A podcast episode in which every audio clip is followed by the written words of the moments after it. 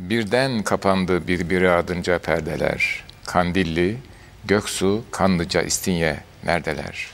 Som zümrüt ortasında muzaffer akıp giden Firuze Nehri nerede? Bugün saklıdır. Neden? Benzetmek olmasın sana dünyada bir yeri. Eylül sonunda böyledir İsviçre gölleri. Bir devri lanetiyle boğan şairin sisi, vicdan ve ruh elemlerinin en zehirlisi, hülyama bir eza gibi aksetti bir daha. Örtün, müebbeden uyu ey şer, o beddua. Hayır, bu hal uzun süremez, sen yakındasın, hala dağılmayan bu sisin arkasındasın. Sıyrıl beyaz karanlığın içinden, parıl parıl, berraklığında bilme nedir, hafta, ay ve yıl. Hüznün, ferahlığın bizim olsun kışın yazın. Hiçbir zaman kader bizi senden ayırmasın. İstanbul'un dost ışıkları, İstanbul'un dost ışıklarıyla dost olmaya çalışan bizler, bugünkü nesiller. Yine Boğaz içindeyiz. Boğaz içini Üsküdar'dan başlayarak şimale doğru veya kuzeye doğru yavaş yavaş yürüyoruz. Seyrediyoruz, seyran ediyoruz. Fakat Üsküdar'dan ayrılmazdan önce bir vefa borcumuz var. Bu vefa borcunun yolu Sultan Tepesi'nden geçiyor. Ve burada sözü muhterem Uğur Derman Beyefendi'ye tevdi ediyorum. Sultan Tepe, Sultan Tepesi hakkında bizi irşad edecekler. Buyurunuz efendim. Efendim Sultan Tepesi'nde bizi e, bağlayan bir dergah var. Özbekler dergahı. Evet efendim. İstanbul'un dergahları arasında Üsküdar'da birkaççı vardır ki onların yeri bambaşkadır. Hazreti Hüdayi Asitanesi, evet. Hazreti Nasuhi Asitanesi. Evet, evet. Ama bunlar daha ziyade uhrevi, ruhani kuruluşlardır. O yolda yürümüşlerdir. Özbekler dergahı bu vasfı taşımakla beraber Üsküdar'ın kültür ve sanat hayatında 19. asırda mühim rol oynamıştır. Çünkü Buhara asıllı e, postnişinleri ki bunlar arasında Ethem Efendi, İbrahim Ethem Efendi'nin yeri ayrıdır. Mistik havasının dışında fen ve sanata evet. son derecede düşkün bir zat. Evet. Bu sebeple zaten Hezarfen Ethem Efendi diye anılıyor kendileri. Üstad Necmettin Okyay'ın da Ebru'da hocası. hocası evet. Pek çok. Kendisi zaten şöyle dermiş. Saatçilik dışında ilgilenmediği mevzu kalmamıştır denmiş. Şimdi bir dergahta buhar makinesi yapılabileceğini düşünebilir miyiz? Sene 1870 belki daha Bahriye Mektebi'nde yapılmadı. Ama dışarıdan kitaplar getirtip parçalarını dergahta kesip biçip kendisi çünkü dökümcülükte Döküm, evet. her hususta evet e, ince marangozlukta, mimarlıkta bunlar dağda hak diyeceğim. Çünkü evet. bir tahsilini görmeden evet. bunların e, yapabiliyor. Mesela e, Hicaz'a gitmiş Kabe'de Zemzem kuyusuna atlayanların önünü kesmek için orada kafes inşaatında bulunmuş ve ondan sonra böyle bir şey yapılmaz olmuş.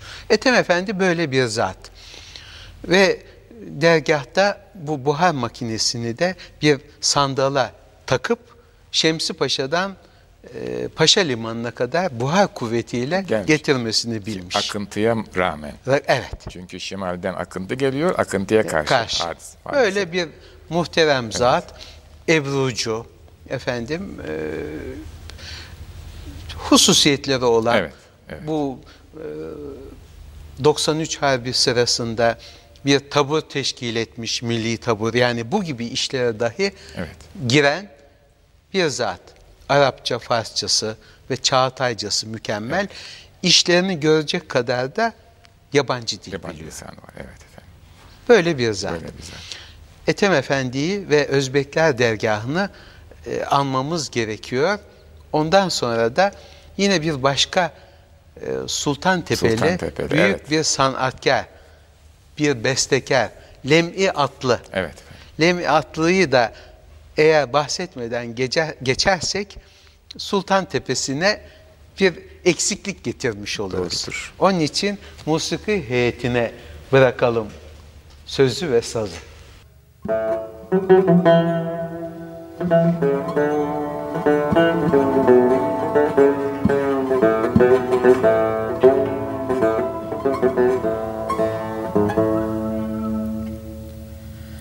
Bu zevk bu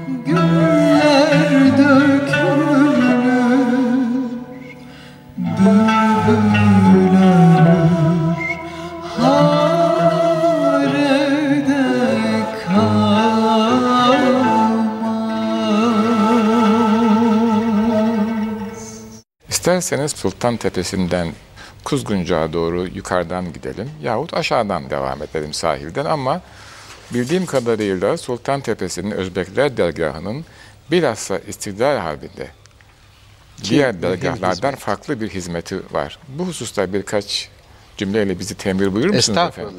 Efendim Ethem Efendi'nin torunu olan ve milli mücadele sırasında dergahın şeyhi olan Ata Efendi İstanbul'dan milli mücadelenin muvaffak geçmesi için elinden geleni esirgememiş, pek çok Ankara'ya gitmesi gereken kimseler Özbekler dergahında geceledikten sonra yola çıkmışlar. Yine pek çok mühimmat bu yolla daima yollanmış. Çünkü işgal kuvvetleri kumandanı dahi şüphe etmemiş. Orası bir dergah. Orada zikir yapılır. Ama ne fikir yapılmış evet. ve milli mücadelenin İstanbul ayağında çok mühim bir yeri vardır, rolü vardır. Ata Efendi'nin ve dergahının onu da rahmetle anarak Kuzguncuğa yolumuza evet, devam edelim. Tarihe bir not düşmüş olalım. Burada. Evet. Efendim gelelim Kuzguncuğa. Şimdi yavaş yavaş Boğaz'ın Anadolu yakasından veya Anadolu sahilinden yukarı doğru çıkıyoruz. Malumunuz evvelden öyle tabir olunurdu. Yukarı çıkmak aşağı inmek. Mesela fakir Kanlıca'da oturduğum yıllar yazları İstanbul'a indiniz mi denilirdi. Evet, evet. Galiba akıntıdan dolayı böyle oluyor. Yani Herhalde. tahmin ediyorum. Sonra yukarı çıkmak. Yukarı çıkmak dediğiniz zaman boğaza yukarı doğru evet. kavaklara kadar filan. Şimdi Kuzguncuk ikinci evet. iskelemiz. Efendim e, bendenizin Kuzguncuk'la alakalı sadece geçiş bilgileri var. Denizden de geçtim defaatle, karadan da geçtim. Doğrusu iş taraflarına pek girmemişim kuzguncuğun. Belki bir vesile olmadı. Ama zaten bildiğim kadarıyla eski hatıralardan, dostluklardan çok e, şayane dikkat, e, güzel hatıralarınız var. Mesela Hafız Bey, Bey, Hafız evet. Yusuf Efendi, Hafız Yusuf Ararat'tan bahset, Evet. bahsedersiniz siz. Bu zatı bir tanıyalım isterseniz. Pek tabii. Efendim zaten Kuzguncuk geçmiş asırlarda daha ziyade gayrimüslim Evet. tebaanın Evet. oturduğu Evet. bir sahil kasabası olmuş. Evet. Sonradan e, Müslimler de iştirak etmişler. Değişik bir e, şehir haline gelmiş yahut kasaba diyelim. Hafız Bey e, aslen e, Karslı fakat Büyük Adada uzun yıllar oturduktan sonra e, kendisi Burgaz Adası'nda affedersiniz yanlış söyledim. Sonradan Kuzguncuk'a yerleşmiş. Bu zat e, Harbiye Nezaretinde vazifeli. Oradan emekli olduktan sonra naturacılık yani cam elmasçılığıyla uğraşmış. Tekniğe de yatkın bir zat. Yani Kur'an hafızlığı dışında esas hususiyete Arap ve Fars edebiyatına edebiyatının künhüne vakıf olması. İsmail Sahip Efendi'den sonra. Anlıyorum. İsmail Sahip Sencer. Evet. Bu- Bayezid Kütüphanesi Ha- müdiri olan Hafızı Kütübü Bey. Evet. evet. Hafız Kütüp tabii Evet. daha doğrusu. Efendim Hafız Bey ince bir şair de aynı zamanda. Tabii onun Arapçadaki, Farsçadaki derecesini takdir edecek bir kültürden mahrum olduğum için ben sadece Türkçe söylediklerinden nasibimi almaya çalışırdım. Mahir Bey hocamın dostu olmak dolayısıyla 1953'te tanıdım kendisini. Hemen İskele'ye yakın e, denize bakmayan, kara tarafına bakan bir küçücük ahşap evi vardı. 1958'de yol genişletilirken istimlake kurban gitti. O da oradan ayrıldı. Fakat o yıllarda çok görüşürdük. Mesela çok ince nükteleri olan beyitleri, uzun şiirleri vardır. Birkaçını açıklamam da gerekecek çünkü eski tarz yazıldığı için. Mesela kendi meşrebini göstermek cihetinden pek hoşuma gider. O ganiyim ki bu bazar fenade feleğe metelik vermek için bende bozukluk yoktur diyor.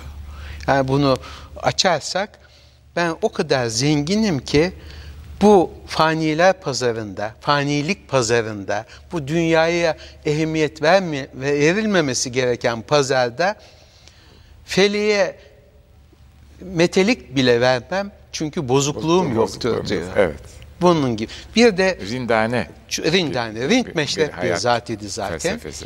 E, Bir de şu çok hoşuma gider. Kendisi teknik konuları da bildiği için malum e, gümüşten ayna yapılır. Daima gümüş kullanılır. Eskiden de paralar daima gümüşten olduğu Tabii. için şöyle bir beyit söylüyor. Ey gümüş, hayranınam ki istihalendir senin, kisede siret numa, ayinede suret numa. Burada tasavvuf da var yani. Ey gümüş, sendeki değişebilme kudretine hayranım. Çünkü sen camın arkasına sürülüp ayna olmak için insanın suretini, dış yüzünü gösterirsin. Ama cebine girdin mi iç yüzünü, siretini gösterirsin. Evet. Bu kadar geniş bir konuyu bir beytin Evet. içine dürüp bükmek Evet. o nesle mahsus. Ve estetiğini bozmadan, Pek tabii. ikemi tarafına halel getirmeden ifade etmek. Evet. Böyle isterseniz şimdi tabii İstanbul uzun asırların, çok mühim insanların ve çok özgün düşüncelerin ve duyuşların üst üste geldiği bir kompozisyon teşkil ettiği bir şehir. Evet. Zaman da bizi mukayyet kılıyor. Yavaş yavaş isterseniz Üsküdar'dan, Kuzguncuk'tan yola çıktık. Bir sonraki iskeleye doğru devam edelim. Evet. Sahilde yalılar var ama Kuzguncuk'un yalıları biraz daha garplı yalılardır. Son devir. Son devir yalılarıdır. Kagir'dir vesairedir. E, fakat e, Beylerbeyi'ne doğru gelirken Beylerbeyi Sarayı var. Beylerbeyi Sarayı Sultan Aziz devrinin bir yapısı ve Sultan Aziz'in malumunuz Bahriye olan e, Tutkunluğu, tutkunluğu, evet. düşkünlüğü, ehemmiyet verişi, o mavi salon vesaire. Oradan da devam edelim. Beylerbeyi İskele Meydanı, Beylerbeyi Camii, 1. Abdülhamit yapısı, Evet. Emirgan Camii ile Beylerbeyi Camii. Ee, Beylerbeyi ile ilgili benim rahmetli dayılarımdan bir tanesi Beylerbeyi'nde bir köşkte oturmuştu. Ee, yolun üst tarafında fakat set üzerinde olduğu için çok güzel deniz manzarası alan bir köşkün bir parçasını kiraya veriyordu. E, sahipleri, sahibi de onun Darülfünun Fransızca müderrislerinden bir zat idi. E, sonra Darülfünun üniversiteye dönünce o zat da başka işler yapmış ve sonunda da işte 60'lı yıllarda bir Beylerbeyi hatıram, hatıralar yumağı var bende yani. Ben o zamanlara şöyle söylüyorum. Yani e, İstanbul minarelerinden hoparlörsüz ezanların okunduğu zamanlardı diyorum. Ve işte biz sabahları, hicazları, dilkeş haveranları, akşam segahlarını, yassı uşaklarını oralardan dinledik. Evet. Ve bunlar kulaklarımızda ve gönüllerimizde oralardan kaldı. Beylerbeyi e, mutenabi semt. Zaten Beylerbeyi'nden sonra Çengelköy'üne kadar bizim yalılarımız Evet. başlardı. Henüz daha mimari olarak e, iç kısmın betonarme yapıldığı, dışına ahşap giydirildiği bir moda bahis mevzu değil. Değil. Evet.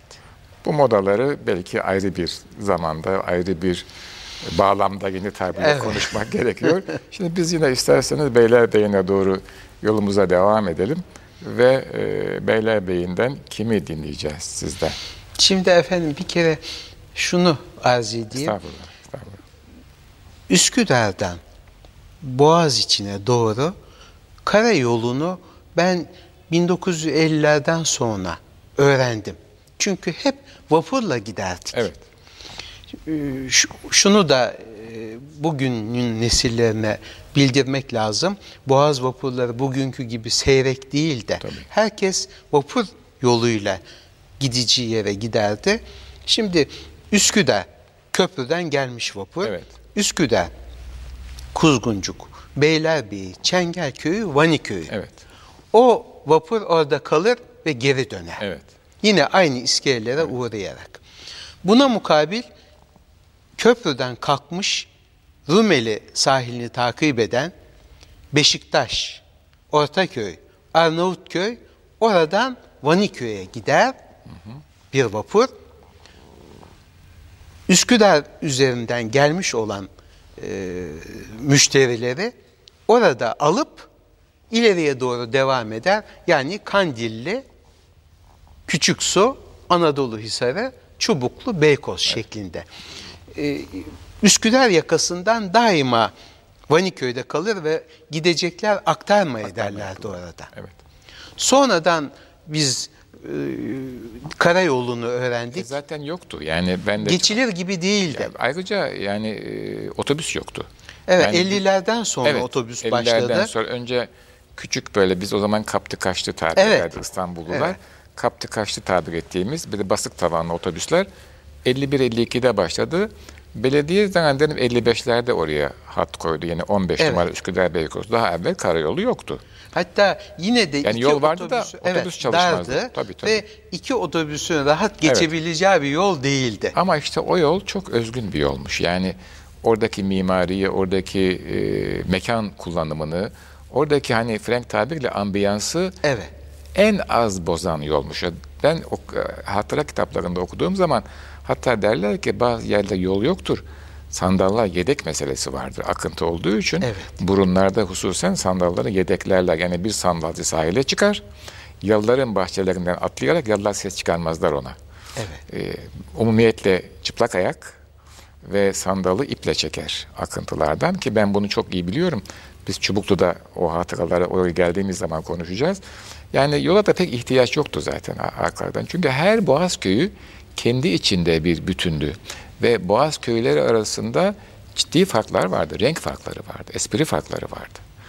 Şimdi Beylerbeyi'ni biraz bize Evet efendim Beylerbeyi adı üstünde zaten Ee, vapur dönüşünde veyahut giderken Beylerbeyi'ne geldi mi bir türlü hareket edemiyor. Ee, Sebebi de efendim Beylerbeyi'nin teşrifatı. Evet, Çünkü evet. en zarif, en kibar zevat orada oturuyor. Efendim siz buyurun. Hayır önce siz buyurun efendim demekten bir türlü yolcu boşalıp veya binip de gemi hareket edemez. Etmiyor. Aynı şeyi de Çengelköy'ünde e, sebzeler yüklendiği için sebzevat birinin teşrifatı birinin sebzevatı yüzünden e, geminin hareket edemediğini söylerler. Şirket Hayriye geç E, kaldı. devrinde, evet. evet. Rikkat Hanım Beylerbeyi'nde oturmuş Evet, değil mi Rikkat efendim? Hanım efendim e, son devrin tanınmış müzehibesi Rikkat Hanım. Asıl pederi noktasından ehemmiyeti başlıyor. E, Osmanlı kültür hayatında mühim yeri olan ve idare mekanizmasında da yeri olan Hüseyin Kazım Bey, Hüseyin Kazım Kadri. Evet. Kendisi belediye reisliği yapmıştır İstanbul'da. E, Sonra mebusluk yapmıştır. Fakat prensip sahibi bir zat yapamadığını, istediklerini, isteklerinin yapılmadığını görünce hemen istifa etmesini bilen son derecede e, kavi, metin bir zat. Efendim Görüp ahkamı asıl münharif sıtkı selametten diyor yani. çekildik İzzet-ü İkbaline, Babı hükümetten. O, Hadise o bu. zat da buna uyanlardan. Mesela İstanbul'da artık yapamayacağı bir şey olduğunu anlayınca Beyrut'a gitmiş. Çünkü hayalinde büyük Türk lügati yazmak var. Bilhassa orada Arapçası çok kuvvetli rahiplerden istifade etmiş ve dört ciltlik büyük lügatini orada birkaç yıl içinde hazırlamıştır. Onun gibi daha çok başka eserler O zaman mevcut. Beyrut da Memaliki Şahane'den. Evet, Beyrut'ta tabii Memaliki Şahane. Evet. Onun için. Efendim kendisinin e, bir yalısı mevcuttur. Beylerbeyi'ni geçtikten sonra İskele'yi geçtikten. İskele, daha doğrusu İskele'yi Çengelköy geçtikten sonra Körfezi'ne evet, doğru, giderken sanıyorum Mimar Kemalettin Bey'in yaptığı bir e, yalıdır. Zaten Kazım Bey kendisi yaptırmış onu. Evet. E, 934'e kadar vefatına kadar da Orada- orada, orada oturmuş. oturmuş. Sonra aile o yalıyı elden çıkarmak Tabii. mecburiyetinde Hayat kalmış. şartları değişiyor. Evet. Kızı Rikat Hanım da 30 yaşından sonra Türk tezyinatına merak sarıp akademiye talebe olup ondan sonra da hocalık sınıfına kadar gelen ince bir sanatkar. E, o da 1986'da vefat etti ve e, vefatından birkaç ay evveline kadar da fırçasını elinden bırakmadan e, Türk sanatına çok güzel eserler kazandırdı. Şimdi Türk sanatına bir başka güzel eserle isterseniz devam edelim. Beylerbeyi ile alakalı ve Sultani Yegah makamında Münir Nurettin Bey'in bir şarkısı var. Evet. Onu musiki istirham edelim efendim. Ay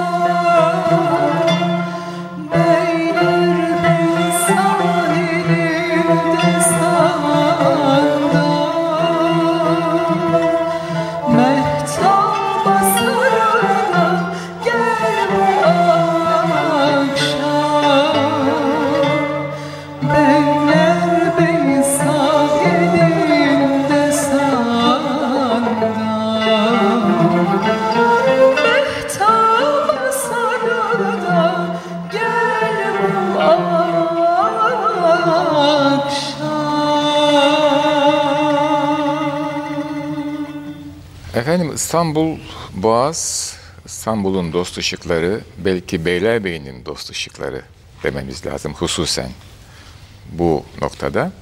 E, Mehtap özellikle Bedri Tam dedikleri eskilerinin Dolunay zamanında malumunuz güneş Topkapı Sarayı'nın üzerinden grup eder. Evet. Bendeniz e, aile olarak 1930'lardan itibaren sayfiye derdi bizim büyüklerimiz yazlık Evet. meselesi. Merhum peder önce adaya gitmişler 12-13 sene. Sonra uzun yıllar yine bir 15 sene kadar Kanlıca'da Çubuklu arasında bir kadim yalıda oturduk. Sonra 60'lı yıllardan 70'e kadar 70'lerin başına kadar da Çengelköy'ünde İskelenin başında hemen ikinci yalıda oturduk. Ondan sonra da efendim bizim artık yalı ile olan ülfetimiz maalesef inkıta uğradı. Bakalım ne kadar devam edecek bu inkıta diye merak ettim. Pek ümidim yok ama öyle gidiyor. Ee, mehtap noktasında Rumeli Anadolu'dan e, daha imtiyazlıdır. Çünkü e, güneş grup eder etmez bedri tam arkadan görülür. E Anadolu ahalisi ne yapsın? Onlar da sandala binerler. Ve sandalla mehtap seyrine çıkarlar. Mehtaba bürün, mehtaba sarın, mehtap şarkısı söyle. E, bu sandallarda kürek çekilir. Fakat e, tabii artık eskiden olduğu gibi yalıların sandalcıları yoktur. Umumiyetle gençler çekerler veya kendini genç yerine koyan Boğaziçi'nin beyefendileri kürek çekerler. Hanımefendiler, genç kızlar o sandallarda olur. Bu 60'lı senelerde olan işler bunlar yani ve e, biraz açılınır sahilden ve mehtap seyri yapılır. Yani gece saat 9, 10, 11, 12'ye kadar bu işler sürer. Tabii o zamanlarda sürat motorları var idi belki ama gece seyir yapmazlardı. Mehtaba çıkanların mehtap olan ülfetine halel getirmezlerdi. Gürültüleriyle. Gürültüleriyle ve hususen dalgalarıyla. Evet. Böyle bir şeyler olmuyordu ve Boğaziçi mehtapları. Ee, daha yukarıda Kanlıca'da söyleyeceğiz ama burada tekrar e, söyleyelim, hatırlatalım. Mihrabat Körfezi veya Bahai Körfezi e, Anadolu yakasının müstesna yerlerinden biridir. Çünkü o körfez olduğu için orası çok açılmadan, çünkü açıldığınız zaman boğazdaki akıntı sizi aşağıya doğru atar. Fark etmezsiniz bir anda kendinizi kuzguncukta bulursunuz. O akıntıda kürekle yukarı çıkmak da fevkalade zordur. Ama Bahai Körfezi'nde özellikle mehtap çok güzel seyredilir. İşte Çengelköy Körfezi de, şimdi oraya geliyoruz. Ben bu uzun uzun hikayeleri Çengelköy Körfezi'ne gelmek için anlatıyorum. Çengelköy Körfezi de böyle bir yerdir. Çengelköy Körfezi'nde sandalda çıktığınız zaman bendenizin bir merakı vardı. Hala da var o merak. Ben denizle ülfeti çok seviyorum. Ee, Boğaz'ın o şanlı, şerefli zamanlarında yetişmedim. Biz mütevazı zamanlarında yetiştik. Sonra o da değişti. Şimdi başka Boğaz var hayalimizde, ufkumuzda, realitemizde ama biz az da olsa o e, kadim kültürün, o büyük medeniyetin iz düşümlerini yaşadık. Yani Boğaz'da nasıl sandal kullanılır, nasıl sandal kullanılmalıdır, yalılara ne kadar yaklaşılmalıdır, ne kadar yaklaşılmamalıdır, bahçelerinden geçerken önlerinden nereye bakılmalıdır, Bunlar efendim hep sandalcılığın adabından idi. Evet. Böyleydi. Biz de Boğaz'ın eski reislerine bakarak bir şey de sorulmazdı onlara. Öğrenmeye çalıştık. Ne kadar yapabildikse hayatımın çok güzel hatıraları vardır. Çengelköy Körfezi'nde ve yukarı doğru Anadolu ve Rumeli yakasında Boğaz sularını e, hani karış karış tek iddialı olur ama belki adım adım tanıdım diyebilirim. O akıntının o güzelliği yani o rüzgar gibi bir şeydir akıntı yani. Nasıl semada rüzgar bizi romantik bir ufka doğru uçurursa Boğaz akıntısı da öyledir efendim yani. Şimdi Beylerbeyi'nde tabii bu teşebbüt miktarı oluyor ama bu kadar. Ee, Çengelköy'üne doğru geliyoruz ve Çengelköy'ünde Sadullah Paşa yalısını görüyoruz. Kimdir bu Sadullah Paşa? Muhterem Uğur Derman Beyefendi. Bize biraz şöyle bir Sadullah Paşa'dan bahis buyurur musunuz? Estağfurullah. Efendim Sadullah Paşa 19. asırda e, devlet hizmetinde bulunmuş bir sivil paşa. Kendisi söylendiğine göre Sultan 5. Murad'a bir yakınlığı var. Bu sebeple 5. Murad'ın tahttan ayrılışından sonraki devirde kendisini pek e, saraya yakın bulmuyorlar. Evet. Ve e, aslında yapılan çok güzel bir şey Viyana'ya sefir, Sefir olarak tayin ediliyor. Ama Türkiye'ye dönüşüne de müsaade edilmiyor. Galiba 13 yıl orada kalmıştır evet, kendisi uzun. uzun. Ve artık vatan hasretinden veyahut da kendisinin bir e, rahatsızlığından intihar ile İntihar. biten Evet, bir bir hayatı. e, hayatı var. E, Zaten yalı onun yaptırdığı bir yalı değil, daha evvelden yapılmış 18. asırdan kalma bir yalı. Ama orayı alıp da uzun müddet kendisi e, oturduğu için İstanbul'da bulunduğu yıllarda öyle anılıyor. Evet. Sonradan Seyfullah Esin ve Emel Evet, Esin ailesine geçmiştir. Onlar da bir vakıf kurdular bu güzel yalının bozulmadan kalabilmesi için bir takım tamirler de geçirdi. Hala idame ettirilmeye çalışılıyor. Evet. Bu Sadullah Paşa, Akif Paşa bunlar garbı tanıyan, Evet. bizi tanıyan, garp felsefesinin bizimle olan imtizacı noktasında ciddi hani e, kriz entelektüel yaşayan insanlar bir Evet. manada, bunalım yaşayan Evet. insanlar. Muhtemeldir ki yani o ciddi bir hayat felsefesi, bir hesaplaşma yapıyorlar. Bu intihar belki o hesaplaşmanın yani ben sanki onlarla birlikte Beşir Fuad'ı da aynı noktada görüyorum. Yani Evet. ciddi bir felsefi buhran yaşıyorlar. Onunki Hay- daha başka. Evet, hayatı sorguluyorlar. evet. Hay- e, yani bu açmazlığı nasıl aşabiliriz noktasında. Tabii o zamanki Viyana da çok mühim bir Viyana. Evet. Yani Orta Avrupa'da e, yükselişte olan bir e, imparatorluğun baş şehri Habsburglar orada. En güzel şehri. En güzel şehri. Ve yani sultan bir ceza veriyor ama ona ceza da evet, denmez. bir, bir medeniyet şehri o evet. yani. Evet. Evet, böyle bir şey. E, İsterseniz şimdi tekrar ağır ağır yolumuza devam edelim. E, Çengelköy'de yazları mukim olduğumuz zamanlarda ki e, bir Kıbrıslı eski bir mühendisin yalısıydı.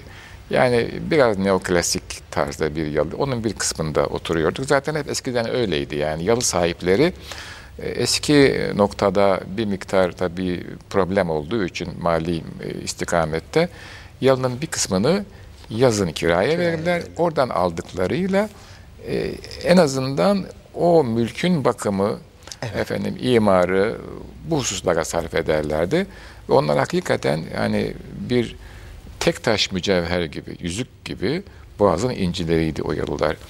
Tekrar söylemekte büyük fayda var.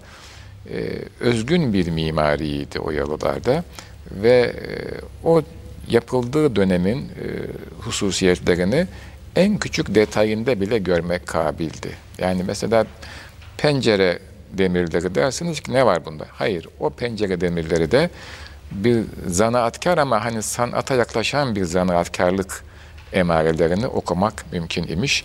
Tabii her yalının mutlaka bir kayıkhanesi olurdu. Bizim kaldığımız küçük yalında bir kayıkhanesi vardı. e, ben deniz o kayıkhanede çok güzel zamanlar geçirdim. Yani o kayıkhanelerin efendim malumunuz deniz ile irtibatı vardır, karayla irtibatı vardır ama denizle karanın o birleştiği, telakki ettiği noktada bir başka ülfet vardır oralarda yani. O kayıkhaneye gelen suyun sesini dinlemek bile Çarpıntılarıyla. Evet dinlemek bile. Bir de tabii e, bizim kayıkhane biraz batıya bakıyordu. Lodosu açıktı. Özellikle sonbahar gruplarında o kayıkhanenin içindeki ışık oyunlarını seyretmeye doyum olmazdı. Çocukça bir heves diyebilirsiniz. Ama hakikaten çok güzeldi yani. evet, e, Çengelköy böyle. Bizim oraya da olduğumuz zamanlarda artık orada gayrimüslim bahçıvanlar yoktu. Ama Çengelköy bahçelerinde hala çok taze yani İstanbul'un içinde efendim e, elde edilen mahsuller vardı ve onlar e, deniz yollarının vapurlarıyla küfe küfe, sepet sepet İstanbul'a giderdi. Ama söylerlerdi ki 5-10 yıl önce, belki 20 yıl önce gayrimüslim e, bahçıvanlar burada vardı ve biz onların mirası üzerinden bu işleri yapmaktayız. Evet. Tabii sonra İstanbul değişti. O Evet. bir bahs, ayrı bir bahis o Çengelköy e, bahsi. E, böyle diyeceğim. Evet. Daha fazlasını söylemeye Zaman yok. zaman yok. Bir de gönlüm de el vermiyor. Yani çok güzel şeyler yaşadık efendim yani. İsterseniz Çengelköy'den yola revan olalım. Deniz yolları veya şirketi Hayriye Vapuru gibi e, Üsküdar, Kuzguncuk, Beylerbeyi, Çengelköy, Vaniköy. 60'lı yılların sonunda 70'lere doğru Vaniköy'den vapur bazen Bebe'ye geçerdi. O birinci mıntıka. İstanbul orada biter. Buyurduğunuz gibi Rumeli'den gelen vapur Bebek'ten alır, aktarma yukarı doğru götürürdü. Mesela Çengelköy'den yukarı gideceğiniz zaman Emirgan'a, İstinye, Yeniköy'e Bebe'ye gidersiniz. Aynı biletle aktarma yaparsınız. Ve hakikaten Boğaz'da vapur kültürü, vapur adabı çok mühimmiş. Mühimmiş diyorum çünkü o yıllarda ben e, dünyanın her yerinde böyledir. İstanbul'da da sanki ilelebet böyle kalacak gibi düşünüyordum. Ama çok şey değişti. De, bu değişimin farkına varamadık ve çok e, güzel, çok lezzetli, çok muhteşem bir estetikmiş İstanbul'da yaşamak. İstanbul'un dost ışıklarını o zaman da hissetmek. Vaniköy. Evet.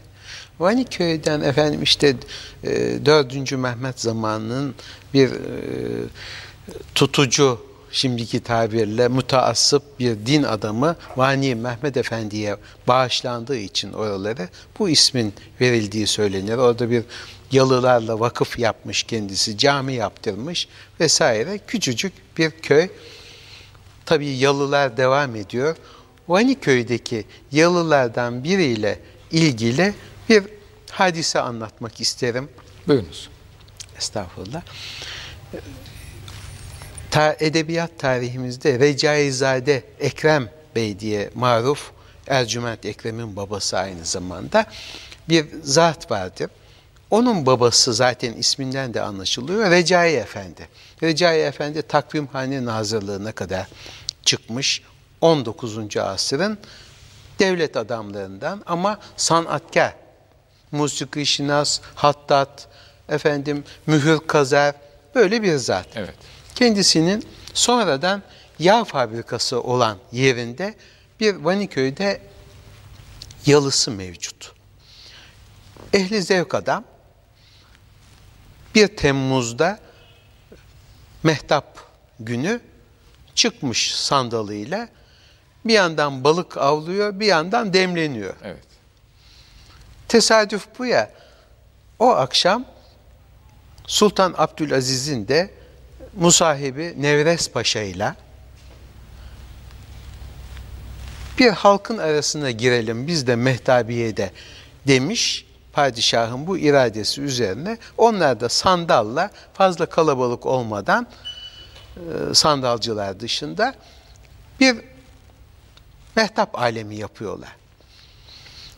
Böyle yaşlı bir adamın bir yandan balık tutup bir yandan demlenmesi sultanın çok hoşuna gitmiş. Yahu Nevres şuna bir takılsana bakalım ne yapacak demiş. Nevres Paşa da balıkçı ağzıyla, Ağzıyla, tabii. efendim efendi baba balık baş vuruyor mu demiş. Vuruyor demiş kestirmeden. Sinirli, fevri bir zat zaten Recai Efendi. Arkadan tekrar aynı suali sormuş. Yine vuruyor. Üçüncü soruşunda ve adam sen zevziğin birisin anlaşılıyor demiş.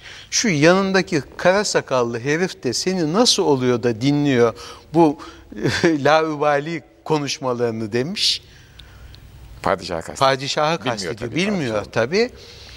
Bunlar güle güle bir hal olmuşlar. Hemen gidelim demiş e, pa- padişah ve uzaklaşmışlar orada.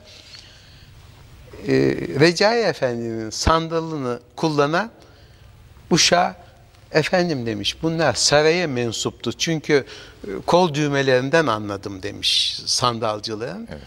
Adamın içine bir kurt düşmüş vay benim halim ne olacak diye Recai Efendi'nin.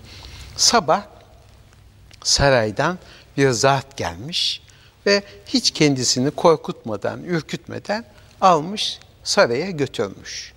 Padişah huzuruna kabul etmemiş fakat bir maddi ihsanda atiyeler olmuş. atiyelerde bulunmuş. Bir de canlı atiye bu arada. Evet, evet. bir cariye de hediye Evet, etmiş ve bizim Recai Efendi rahata kavuşmuş olarak yalısına dönmüş. O zaman biz de efendim canlı bir atiye musluk heyetimizden istirham edelim. Zannederim bir saz eseriyle Evet. programa e, hatimesine doğru geliyoruz efendim.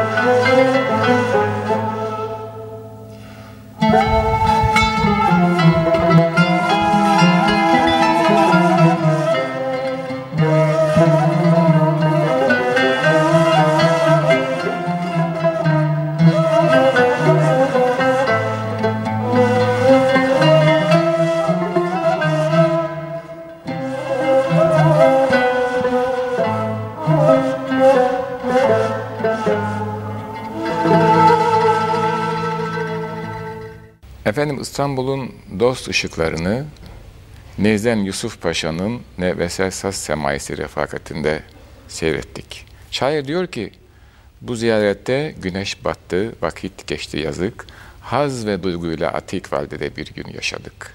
Buradaki Atik Valde, gerçek Atik Valde olabildiği gibi mutlulukla, hüzünle ama derin bir zevkle yaşadığımız herhangi bir zaman ve mekan dilimi de olabilir. Bir başka zaman ve mekan diliminde yine İstanbul'un dost ışıklarıyla hemhal olmak ümidiyle Allah'a ısmarladık diyoruz efendim. Hayırlı geceler olsun.